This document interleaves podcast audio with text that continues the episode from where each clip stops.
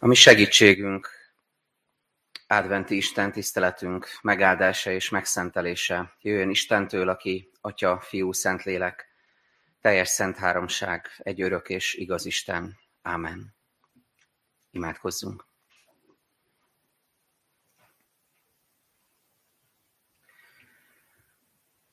Urunk, olyan jó újra gyereknek lenni, amikor lehull a hó, és örvendezünk ennek, és olyan jó érezni, hogy ropog a hó a talpunk alatt, olyan jó játszani, és olyan jó megfiatalodni lélekben, és, és újra átélni a gyermekségünket, és valahogy gyermeki szívvel, lélekkel rá, rá nézni, rácsodálkozni a teremtett világot csodáira.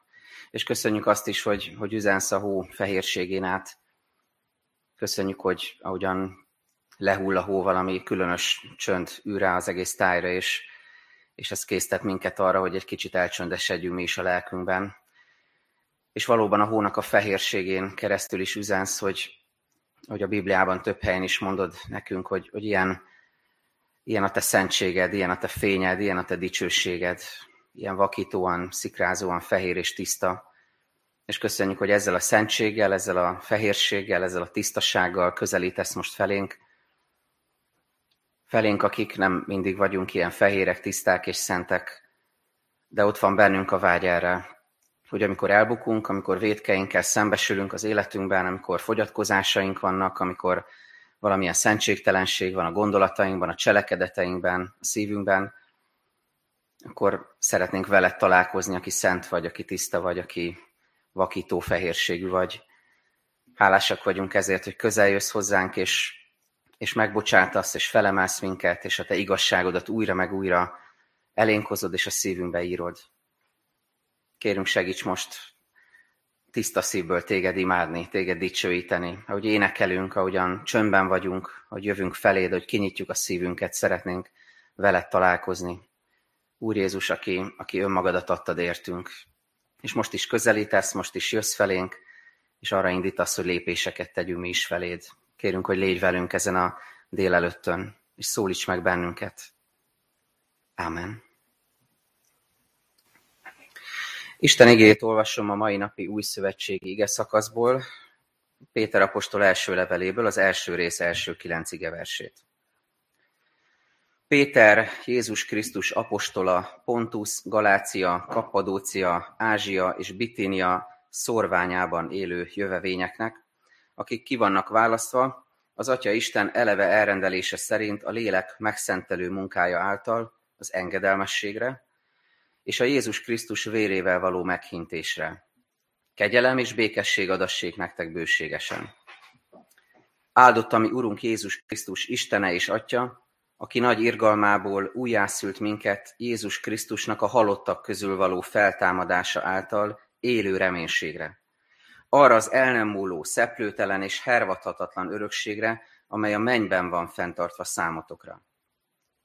Titeket pedig Isten hatalma őriz hit által az üdvösségre, amely készen áll arra, hogy nyilvánvalóvá legyen az utolsó időben.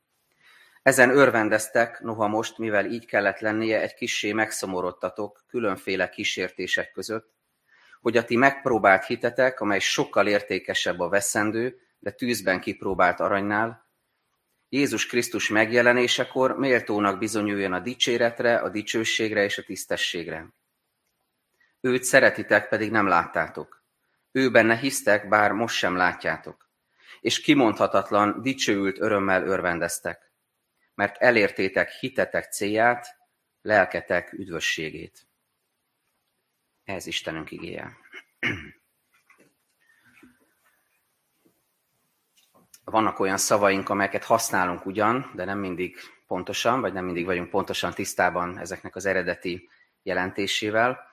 Ilyen például a kereszténység, amelyet manapság nagyon sokszor hallani, és néha az az érzésem, hogy csak fedő sztoriként használ valamire, mert olyan könnyű rámondani valamire, hogy ez keresztény, és könnyű elbújni mögé, anélkül, hogy igazán átélnénk, hogy ez valójában mit is jelent.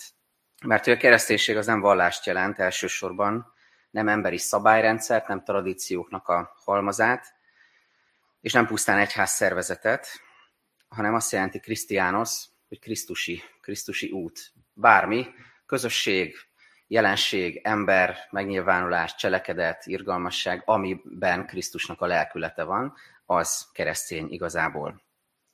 Érdemes ezt megfontolni, mondom, manapság, amikor nagyon sokszor kicsit hamisan cseng ez a szó.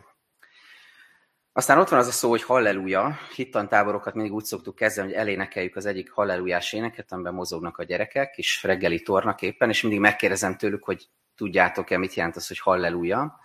És ez mindig meglep, hogy, hogy minden, minden évben ezt át kell ismételni. Tehát, hogy remélem, ti tudjátok, és nem kérdezem végig. Szóval halleluja az nem csak egy ilyen random keresztény felkiáltás, amit bármikor lehet mondani, amikor úgy örülünk valaminek, mert így is lehet, hanem halleluja azt jelenti, hogy dicsérjétek az Urat, tehát egy felszólítás, magunkat egymást biztatjuk ezzel, hogy, hogy, hogy az Urat illeti a dicséret. És aztán ott van az a szó, hogy advent, amikor itt tanórán megkérdeztem korábban gyerekektől, hogy mit jelent, akkor tízből heten rávágták, hogy várakozás. A maradék három gyerek meg visszakérdezett, hogy mi is volt a kérdés. Tehát, hogy ezek voltak az arányok. De tudjátok, valójában azt jelenti az advent szó, hogy eljövetel. Bár kétségkívül nyilvánvalóan tartalmilag része, meg lelkileg része a, a várakozás is. És egyébként az, hogy sokaknak a felnőtt emberként is a várakozás ugrik be elsőként az advent szóról, az nem véletlen, mert hogy ez is jelzi az ünnepnek ezt a kettős karakterét, kettős jellegét, hogy egyrészt valóban azt ünnepeljük, hogy Jézus jön. Már egyszer eljött, ugye most várjuk a második eljövetelét, tehát kétségkívül azon van hangsúly, hogy Jézus jön, hogy az ő eljövetelét ünnepeljük. Ugyanakkor emberi részről ez, ennek van egy, egy fogadó bizottsága, ez a mi várakozásunk, ez a mi szívünk, ami várja ezt a megérkezést, ezt az eljövetelt. És azt egy kicsit tovább gondolva, ránézve az életünkre, látjuk azt is, hogy, hogy nagyon sok rétege van a mi várakozásunknak. Most, hogy itt ültök, ahogyan megérkeztetek, jelen vagytok, magatok mögött hagyva egy, egy hetet, egy nehéz hetet, vagy időszakot, érzitek, tudjátok ti is, hogy nagyon sokféle jellege van, és tartalma van a mi várakozásunknak. Várunk itt ígéretek beteljesedésére, hogy ahogy Isten megígért nagyon nagy évű dolgokat a Szentírásban, ami mindannyiunkra igaz, várjuk ezeknek a beteljesedését. Hogy, hogy megjelenjen Krisztus, hogy eljön, hogy, hogy, hogy világossá váljon az ő igazsága mindannyiunk számára. Ezt mindannyian várjuk. De várunk speciálisan és személyesen gyógyulásra, enyhülésre, a Covid-nak a végére, többekkel beszélgetve valahogy ez, ez rajzolódott ki az utóbbi napokban, kérdeztem, hogy, hogy mind gondolkozol, mire váltsz, mit szeretnél, és, és azt mondta, hogy csak annyit, hogy vége legyen ennek végre. Tehát nagyon sokakban ez a, ez a legerősebb váradalom, várakozás. Vagy várunk jó szóra, biztatásra, és zárójelbe hadd jegyezzem meg, hogy, hogy, hogy ezt érdemes gyakorolni, mert hogy ingyen van, és azon gondolkoztok éppen, hogy családtagjaitoknak milyen ajándékot vennétek, vagy készítenétek, és kevésnek bizonyulnak a forintjaitok ehhez. Gondoljatok erre, hogy a jó szó, a biztatás, a másik a bátorítása, egy, egy kedves gesztus, az ugyanolyan értékes ajándék, vagy még értékesebb, mint amit kézbe lehet adni, és ráadásul ingyen van, és, és annyira sokat jelent, amikor ezt tudjuk egymásnak adni. Vagy vágyunk, várunk valaki őszinte érdeklődésére, hogy fontosnak, szeretetnek, elfogadottnak, célba érkezetnek, otthon lévőnek érezhessük magunkat. Van, aki sokkal prózai dolgokra vár, például egy tál meleg ételre, vagy egy meleg pulóverre, amiben nincs része. Gondoljatok erre, amikor megálltok a hűtőtök előtt, kinyitjátok, és nincs teljesen dugig megtöltve, mert holnap kell majd vásárolni, de azért van benne étel, tehát van otthon a kamrádba, a hűtődbe étel, és így gondolkozom, hogy á, mit tegyek, á, ez nincs kedvem, hát ez már két napja ezt tesszük.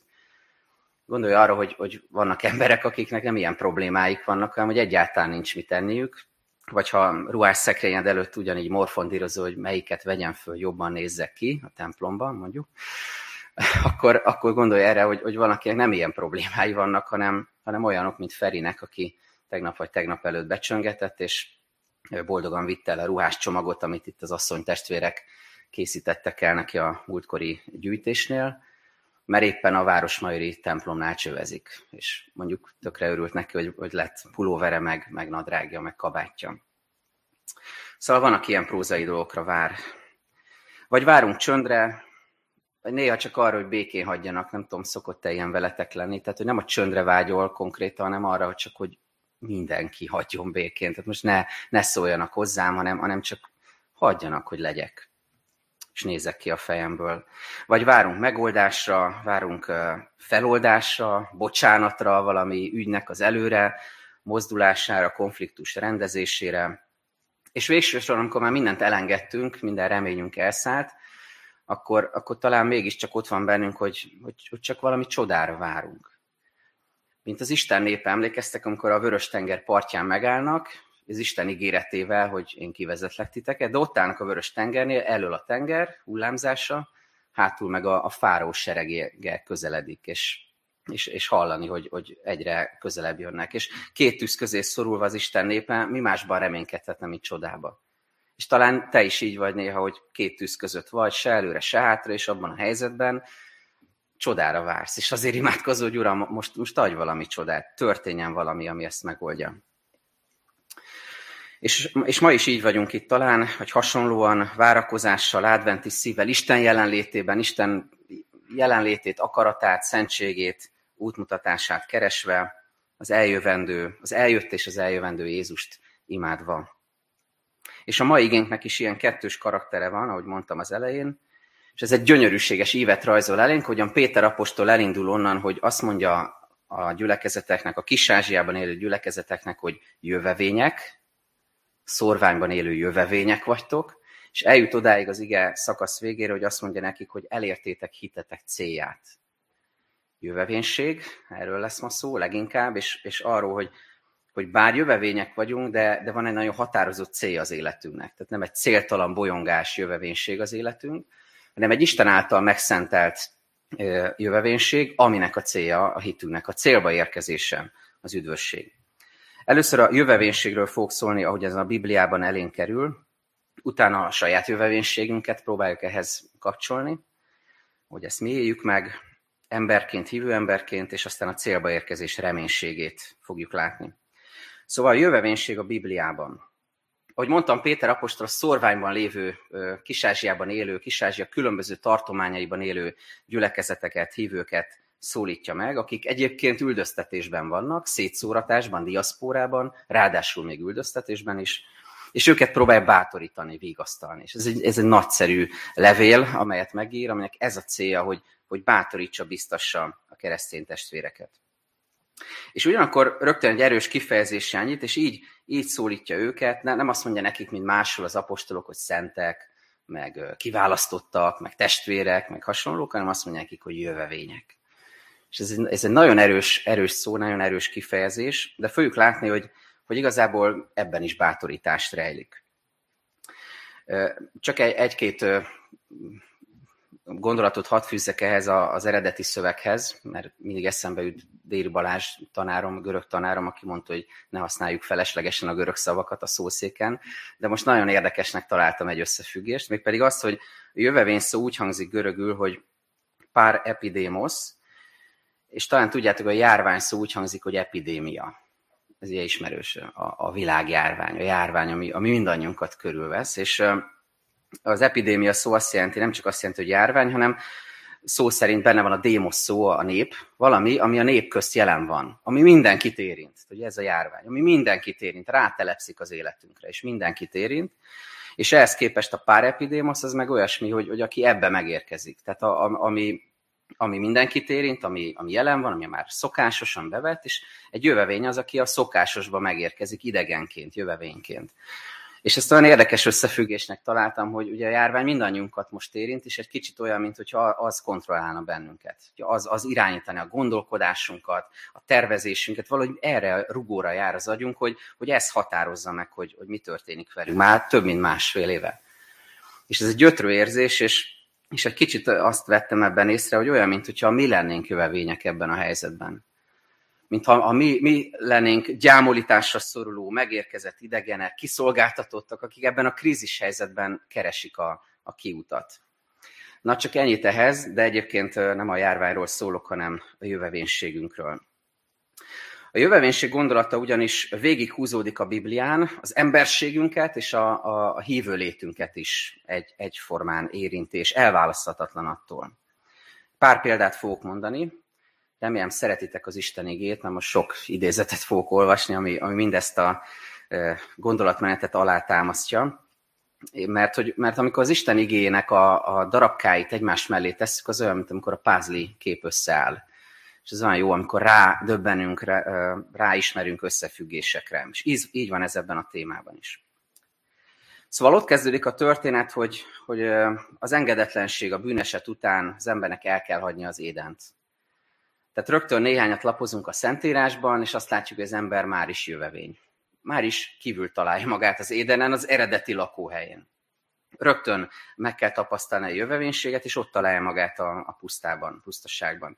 És aztán megint lapozunk egyet, és ott látjuk Káint, a testvérgyilkost, aki megöli Ábelt, és annyira megrázó, ahogyan Isten azt mondja neki ítéletként, hogy, hogy bújdosó és koborló leszel a földön. És aztán Káin ezt megismétli, és fel is rója az úrnak, és azt mondja, hogy de hát én bújdosó és koborló leszek a földön, egy jövevény leszek, mi lesz velem, meg fognak ölni, kiszolgáltatott vagyok. Tehát ez az a pillanat, amikor az emberre az engedetlenség a bűn után rátelepszik a jövevénységének a, a terhe, az, az átka, hogy ha szabad így mondanom, a nehézsége, és ezzel küzd mindvégig az ember.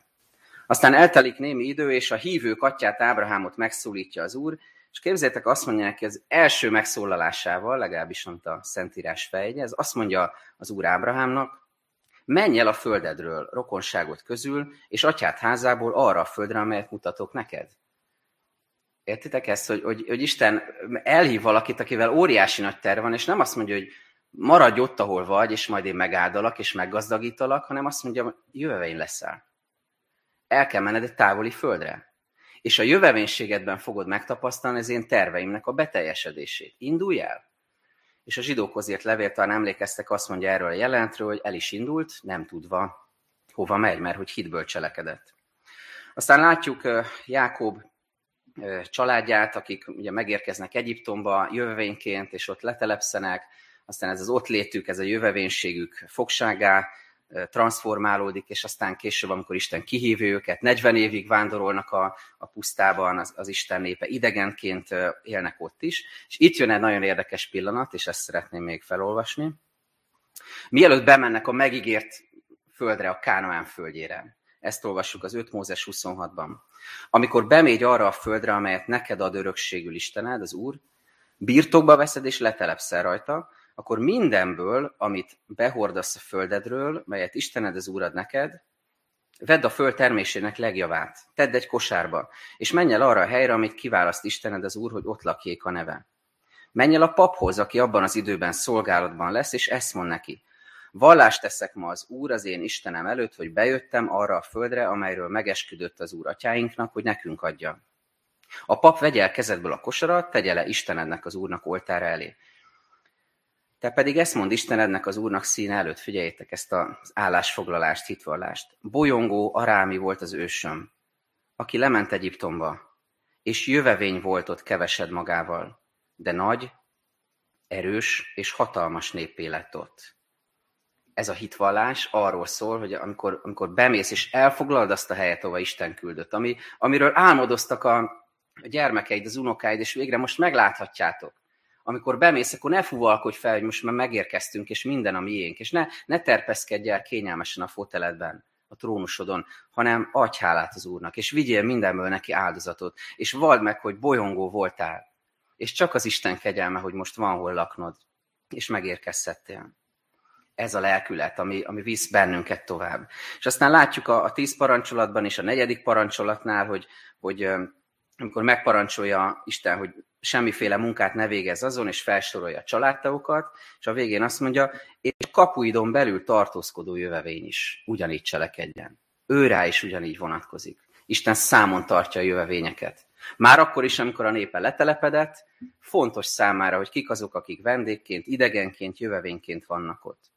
Vagy a 3 Mózes 19-ben olvasunk egy nagyon fontos szabályt, illetve törvényt, a mezgerélésről. Szőlődet se böngészt végig, és a szőlődben lehullott szemeket ne szed föl. Hagyd ott azokat a nincsteleneknek és a jövevényeknek.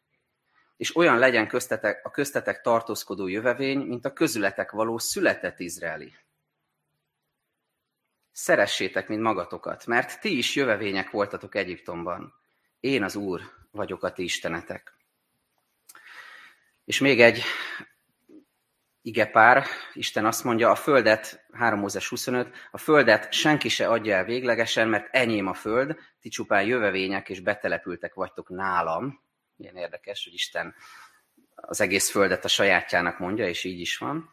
És erre válaszol például a Zsoltárok 39, amikor azt olvassuk, könnyeim láttán, ne légy néma, mert jövevény vagyok nálad, betelepült, mint minden ősöm.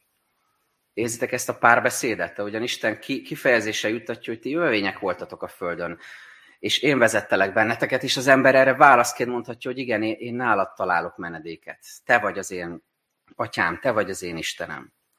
És, e, és ez a láncolat, ez a téma nem áll meg az Ószövetségben, mert az Új Szövetségben ugyanígy ott van. Amikor a Máté 25-ben az utolsó ítéletről beszél Jézus, és azt mondja, hogy mert éheztem és ennem adtatok, szomjaztam és innom adtatok, jövevény voltam és befogadtatok. Ugyanerről beszél Jézus is. Ha valakivel megtettétek, a legkisebbek közül velem tettétek meg.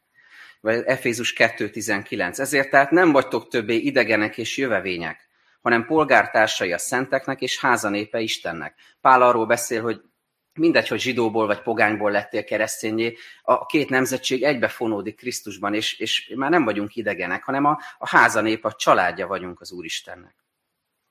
És az utolsó, amit még idézek, utolsó kettő, a zsidó 11 és 13, a, hithősökről mondja ezt az apostol. Hitben haltak meg ezek mind, anélkül, hogy beteljesültek volna rajtuk az ígéretek. Csak távolról látták és üdvözölték azokat, és vallást tettek arra, hogy idegenek és jövevények a földön. Mert akik így beszélnek, jelét adják annak, hogy hazát keresnek. És ha arra a hazára gondoltak volna, amelyből kijöttek, lett volna alkalmuk visszatérni. Így azonban jobb haza után vágyakoztak, mégpedig mennyei után. Értjük ezt, hogy, hogy mit jelent, hogy, hogy volt hazájuk, ahonnan Isten kihívta őket, de most már nem a felé vágyakoznak vissza, hanem a mennyei haza felé vonza őket az Úristen szeretete. És a zsidó 13-14 végül, mert nincsen itt maradandó városunk, hanem az eljövendőt keressük. És igazából ez foglalja össze azt, hogy, hogy miért ennyire fontos a jövevénység témája a Szentírásban, mert, mert van valami na- nagyon különös abban, ahogyan, ahogyan erről beszél számunkra Isten igéje. Isten népének minden időben meg kell értenie, meg kell tapasztalnia a jövevény létnek a mélységét és jelentőségét. De mi a helyzet velünk? Hogyan tudunk ehhez kapcsolódni? Emberként és természetesen hívő emberként. Amikor a jöve, jövevénységünkről kezdtem el gondolkozni, arra, arra jutottam, hogy nagyon sokféleképpen sokan tapasztalhattuk, tapasztalhattátok már ezt. Bizonyára mindannyiótok családjában, ismerettség körében vannak olyanok gyülekezeti tagjaink, ismerőseink is, akik, akik külföldön élnek, dolgoznak hosszabb, rövidebb ideig. Van, aki bele is ragad ebbe a helyzetbe, szeretne visszajönni, de nem tud, és, és idegenben marad. És és bármennyire szerető és befogadó az a közeg, az az ország, ahol él, de tulajdonképpen mindvégig jövevénynek fogja érezni magát. Idegennek, ez egy kicsit erősebb szó, de bármennyire berendezkedik, barátokra lel, jól érzi magát, de az ő, ő mégiscsak jövevény lesz azon a helyen. Vagy amikor valaki elköltözik Magyarországon belül, vagy, vagy a városon belül máshová vagy új közösségbe megy, vagy valaki egy új iskolába megy, és ő a jövevény. A többiek már egy összeszokott csapat, és megérkezik ebbe a maga idegenségével, jövevénységével, vagy munkahelyet váltasz, vagy egy másik gyülekezetbe mész, és, és bármennyire szeretnek ott a testvérek, és jó a közösség, de egy ideig még biztosan jövevénynek érzed magad. Vagy valaki egy új helyzetbe, egy új élethelyzetbe kerül, egy új családi helyzetbe, mennyire megrázó az a változás, amikor valaki az egyik pillanatban még, még egy, egy erős családfenntartó, aki, aki megszokta, hogy, hogy mindent rá lehet bízni, mindent elintéz, és a másik pillanatban egy ápolt beteg egy kórházban, ahol lélegeztetőgépre kerül. Micsoda változás ez. És, és ebben a helyzetben egy, egy megszokott közegből kilépve jövevénynek érezheti magát az ember. Ebben otthonosan mozgok, én vagyok az erős, akire lehet számítani, aki mindent elintézek, és itt meg én vagyok a vendég, a jövevény. És idegenül mozgok ebben, és nem értem, hogy miért nem tudom kontrollálni az eseményeket, és miért nem tőlem függ, hogy, hogy mikor fogok végre meggyógyulni. Az életünk számos területén él, élhetjük át tehát a jövevénységet, az idéglenes vagy hosszabb ideig tartó idegenséget De az egyházzal is így van, az egyházat is érinti ez, a, a, a hívő embert is érinti ez a téma. Mit jelent ez ránk nézve? Azon gondolkoztam ezt a témát tanulmányozva, hogy, hogy az Isten népe életének a dinamikáját éppen, éppen az úton létel adja meg, az, hogy jövevények vagyunk, hogy mozgásban van az egyháznak az élete. Hogy a választottak közössége folyamatosan úton van. És miközben, miközben ott van bennünk egy oldhatatlan vágyódás bennünk az éden óta mennyei haza felé, a megérkezés felé, de közben érezzük, hogy úton vagyunk, jövevények vagyunk. És arra gondoltam a mai helyzetre is kicsit ránézve, hogy miért az egyház túlságosan belekényelmesedik egy elért helyzetbe, egy elért állapotba, túlságosan megelégszik azzal, amire eljutott, eltunyul, nem képes a megújulásra, a folyamatos reformációra, a gyökerekhez való visszatérésre, amikor már nem keresi igazán Isten akaratát olyan elszántan, amikor már nem hirdeti az örömhírt annyira elkötelezetten és tisztán az Isten igéhez, az evangéliumhoz ragaszkodva, amikor már nem hajol le a bajba jutottakhoz, irgalmasan, ahogyan Jézus tette, akkor elveszíti az identitását, akkor elveszítjük a, a kereszténységünket. Ezért mondtam az elején, hogy nem mindegy, mire mondjuk rá, hogy keresztény, hogy értjük-e igazán a, ennek a szónak a, a, a lényegét, a tartalmát, hogy mit jelent Krisztusinak lenni. Szóval a jövevénységünk megélés az nagyon is fontos, hogy, hogy érezzük a, a léleknek a, a működését, mozgását, hogy merről merre hív bennünket Isten. És hogy mindeközben milyen feladatunk van azok felé, akik itt a világban élik meg a jövevénységüket, az elesettségüket, a kitaszítottságukat, a, az idegenségüket, hogyan fordulunk feléjük, milyen üzenetünk van feléjük, mi a, mi a, a küldetésünk. Három tanulságot engedjetek meg röviden, hogy hadd csatoljuk ehhez. Mi következik mindebből? Az első, hogy, hogy meg kell tanulnunk, illetve gyakorolnunk kell a jövevénységünk alázatát. Azt értem ez alatt, hogy, hogy akkor is, hogyha tőzsgyökeresnek gondoljuk magunkat egy helyen, akkor is újra tanulnunk kell a jövevénység alázatát. Tehát ha azt gondolod magadról, hogy te, te már beástad magad, megvannak a hadállásaid, megvan a, a megszokottságod, a, a tőzsgyökerességed mondjuk egy szakmában, a munkahelyeden, és nem érhet meglepetés, és, és te, te mindenkinél mindent jobban tudsz, akkor is tanulnod kell a jövevénységed alázatát.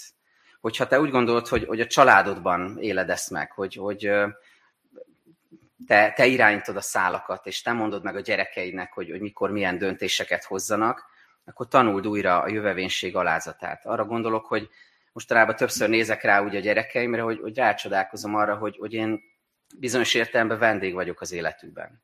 Jövevény. Tehát kísérem őket egy darabon, kísérjük őket egy darabon szülőként, de igazából nem mi szabjuk meg az életük irányát. Imádkozunk értük, és, és próbálunk példát adni, amennyire tőlünk telik, és elbukunk, és, és vannak eredményeink, de a lényeg, hogy, hogy jövevények vagyunk az életükben, és ez egy borzasztó, megtisztelő feladat, hogyha így nézünk rájuk alázattal, és erre a helyzetre. Vagy ha törzsgyökeresnek gondolod magadat a lakóhelyeden, az egyházban, a gyülekezetben, mondván, hogy én mindig itt voltam, mások jöttek ide, de én, én mindig itt voltam, akkor tanuld újra a jövevénységednek az alázatát, hogy egyikünk se volt itt tehát volt olyan pillanat, amikor egyikünk se volt itt, mert az Isten alkotta ezt a világot, és ő adott nekünk itt helyet. Hogy ne legyünk felfúvalkodottak, és hogy ne legyen az egyház benfentes és belterjes. Gondolkoztatok már ezen, hogy, hogy lehet, hogy néhányakat pont az riaszt el az egyháztól, és az idegenít el, hogy, hogy ránéznek, bele szagolnak a, a, a légkörbe, és azt mondják, hogy ez egy benfentes, egy belterjes közeg. Én, itt mindenki érti egymást, megvannak a kapcsolódások, de én ebben nem tudok belépni és ez nagyon fájdalmas tapasztalat. És olyan jó lenne, ha nem egy ilyen belterjes, benfentes illata lenne az egyháznak, hanem, hanem nyitott lenne, nyitott ajtó lenne, ahova, amin át be lehet jönni. Ahogyan Ábrahám, Mózes, ahogyan Izrael népe, az üldözött keresztények jövevények voltak, úgy mi is ennek az alázatát élhetjük meg. Tehát a jövevénység alázata. Aztán a második, hogy vegyük komolyan a jövevénységünk tudatos missziói megélését. Mert hogy kettős üzenettel vagyunk itt, jövevényként, és célra tartó emberként is. Az egyik az, hogy az élet egy csoda. Olyan jó lenne ezt megjeleníteni ebben a nagyon, nagyon fásult, nagyon szomorú, nagyon reményvesztett világban. Az élet az egy csoda. A maga nyomorúságával, törékenységével, hogy, hogy jó élni. Tehát ritkán üzeni ezt, ezt az egyház, de olyan jó lenne ezt üzenni, és ezt megjeleníteni, hogy, hogy egyébként ez egy csoda, hogy élünk, hogy, hogy ez egy nagyon komplex folyamat mindenféle tudományos meg lelki szempontból, amit életnek nevezünk, és ez az Isten ajándéka, ez az egyik. A másik, ami ezt kiegészíti, hogy, hogy az élet több, mint amit a szemeddel látsz. Hogy az élet több, mint a test. Hogy az élet több, mint a Black Friday hogy több, több mint, mint az, hogy hány forintért tudod megvenni az ajándékodat, hogy mennyit tudsz rajta spórolni, és hogyan tudod kikönyökölni a többieket a boltban. Az élet több a testnél, és több, több a láthatónál. És ezért a második üzenet ez, amellett, hogy az élet szép, hogy, hogy az élet az lehet örökkévaló. És az örökkévaló életnek a csodája Krisztusban ragadható meg. És ennek a missziói megélése következhet a jövevénységünkből, hogy mi nem ragadunk bele ebbe a világba, azt mondja az ige, és ezt sokszor félreértjük, hogy ne szeressétek ezt a világot. Ami azt jelenti, nem azt jelenti, hogy, hogy ne szeressétek az embereket, hanem hogy, hogy ne, ne ez a világhoz ragaszkodjatok. Lehet szeretni élni, lehet szeretni embereket, lehet örömmel megélni kapcsolatokat, de nem ettől a földi világtól függ az életünk, hanem a mennyeitől, Krisztustól és az ő szeretetétől. Tehát jövevénységünk alázata, jövevénységünk missziói megélés, és a harmadik, a jövevénységünknek a lehetőség az irgalmasságra. Ugye az idézett igék között is több ilyen volt, amikor, amikor erre hívja fel a figyelmet Isten igéje, hogy emlékezz már vissza egy kicsit, amikor nagyon el vagy telve magaddal, hogy te is jövevény vagy, te is jövevény voltál, te is egyszer befogadott voltál, te is az én kegyeltem vagy, aki, akin én irgalmaztam, és embereket küldtem az életedbe, hogy segítsenek téged. Ne felejtsd ezt el a, a szőlős példa az pont erről szólt, és ennek a, a lelki vonatkozása az, hogy most, most gondolj a saját bankszámládra, a saját ételeidre, ruháidra, adottságaidra, idődre úgy, mint amiből lehet másoknak is adni, mint aminek a szélén, a vagyonodnak, a földednek, a szőlődnek a szélén maradhatnak szemek, amiket nem kapkodsz fel, hogy de még ez is az enyém, de még ez is, és még ezt is begyűjtöm, hanem az ott maradhat azoknak, akiknek nincsen, akiken könyörülhetsz, akik felé irgalmas lehetsz. Hogy Isten felszabadít erre, hogy te is jövevény vagy, és az életedbe jönnek majd újabb és újabb idegenek, jövevények, akik felé te lehetsz irgalmas, te szolgálhatsz feléjük. És így érünk el az ívnek a végéig, a célba érkezés reménységéig, mert hogy onnan indultunk, hogy Péter azt mondta, jövevények vagytok, és elérkezünk oda, hogy azt mondja, hogy mert elértétek hitetek célját, lelketek üdvösségét. Mert hogy az elején is említettem, nem elbizontalanítani akarja Péter a, a üldöztetésben lévő keresztényeket, hanem pont ellenkezőleg bátorítani akarja őket.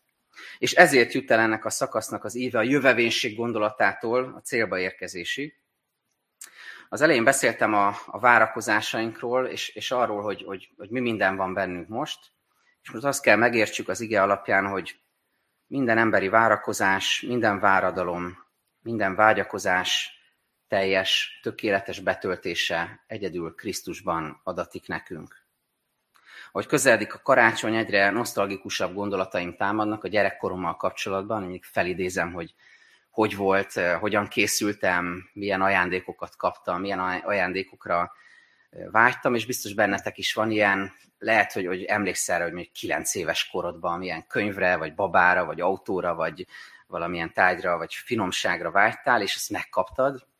Nekem ilyen, a már egyszer említett Rodolfo bűvésztáska, egy sárga bűvésztáska volt, amire teljes szívemmel vágytam, ezt akartam megkapni karácsonyra, ugye elkövettem azt a hibát, hogy kutakodtam a szekrények mélyén, és sajnos karácsony előtt egy héttel megtaláltam, és ugye elillant a varázsa ennek az egésznek, egész várakozásnak.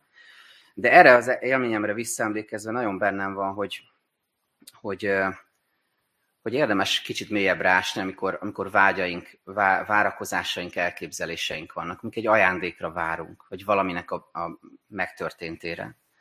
Mert hogy van a szívünk mélyén egy rész, ami pontosan tudja és érzi, hogy nekünk nem a Rodolfo bűvésztáska kell. Tehát bármennyire azt, azt vágyom, ezt mondom, hogy az kell nekem, de hogyha kicsit lejjebb ások, vagy nagyon lejjebb ások a szívembe, meg fogom találni, hogy igazából nekem nem a Rodolfo bűvésztáska kell.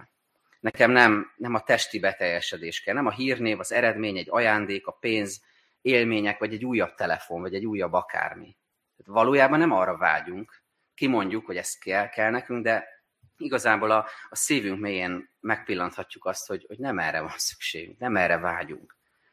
Hanem az a pillanat mozgat bennünket, amikor jövevényből kóborló, vándorló, önmagunkat és Istent kereső eh, idegenekből újra megérkezhetünk az édenbe, az Isten családjába, Jézus Krisztushoz. Mert hogy Péter mondja, elértük a hitünknek a célját, a lelkünknek az üdvösségét. És ezt jelen időben mondja, ez annyira szép, hogy, hogy nem azt mondja az üldözésben lévő, szorványban, diaszporában lévő hívőknek, testvéreknek, hogy hát figyeljetek, hát van egy jó ajánlat itt, és, és az arról szól, hogy majd, ha mennybe juttok, akkor jó lesz nektek. Ez annyira, ez nagyon fontos, hogy ezt megértsük, hogy, hogy nem ez a keresztény üzenet, hogy itt küzdjük az életünket, hogy, hogy végig küzdködjük a, a, a hosszú üldözésnek az idejét, meg a kísértést, a bűnöket, és aztán majd egyszer jó lesz a mennyben. Ez kevés lenne így önmagában, bár lehet erre is vágyakozni, hanem, hanem jelen időben vannak az ígéretek. Azt mondja, elértétek a hitetek célját, a lelketek üdvösségét. Már most a tiétek ennek a bizonyossága. Már most megkaphatjátok ezt.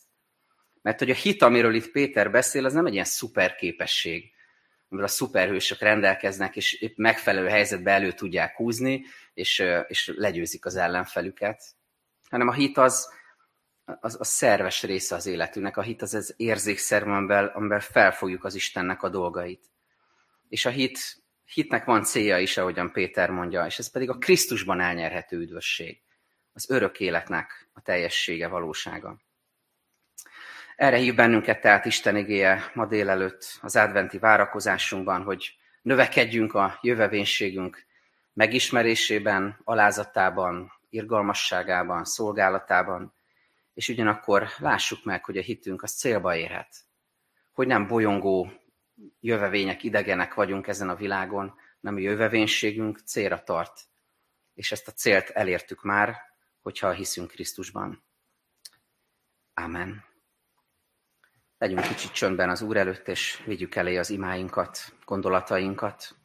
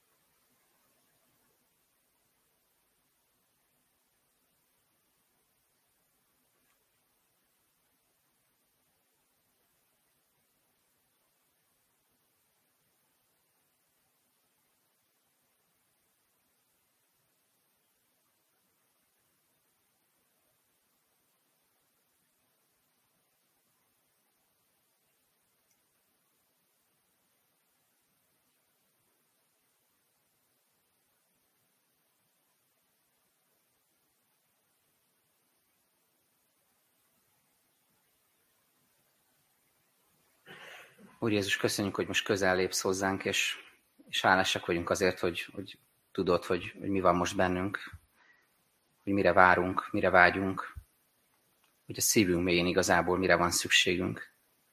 És te pont azt kínálod nekünk, ami ezt a hiányt, ezt a vágyakozást betöltheti. Hálásak vagyunk ezért, hogy, hogy ebben a bizalmas, szeretetteli légkörben lehetünk veled kapcsolatban, és köszönjük, Urunk, hogy, hogy hittel könyöröghetünk mindazokért, akik nagyon fájdalmasan élik meg a jövevénységüket, a kitaszítottságukat, adott esetben az idegenségüket. Kérünk, hogy indíts bennünket irgalomra olyan szinten, ahogyan, ahogyan mi tudunk cselekedni, ahogyan mi tudunk irgalmasak lenni valaki felé, aki fájdalmasan jövevénynek érzi magát.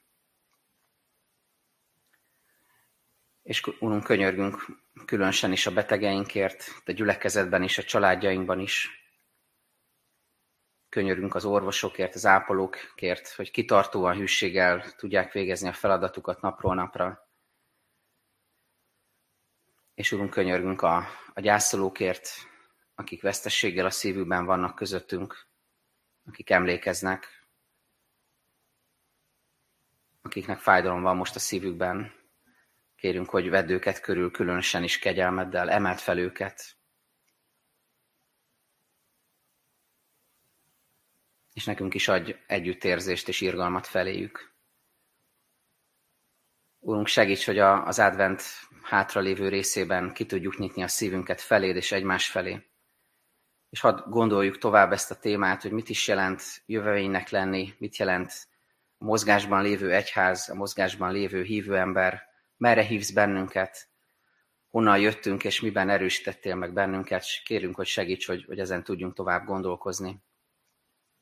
Köszönjük, Urunk, hogy, hogy meghallgattad a magunkban elmondott imádságokat, és most fennállva jövünk eléd a tőled tanult imádság szavaival. Mi, atyánk, aki a mennyekben vagy, szenteltessék meg a te neved. Jöjjön el a te országod, legyen meg a te akaratod, amint a mennyben, úgy a földön is. Minden napi kenyerünket add meg nékünk ma, és bocsáss meg a mi védkeinket, éppen mi is megbocsátunk az ellenünk védkezőknek. És ne vigy minket kísértésbe, de szabadíts meg minket a gonosztól, mert Téd az ország, a hatalom és a dicsőség mind örökké. Amen.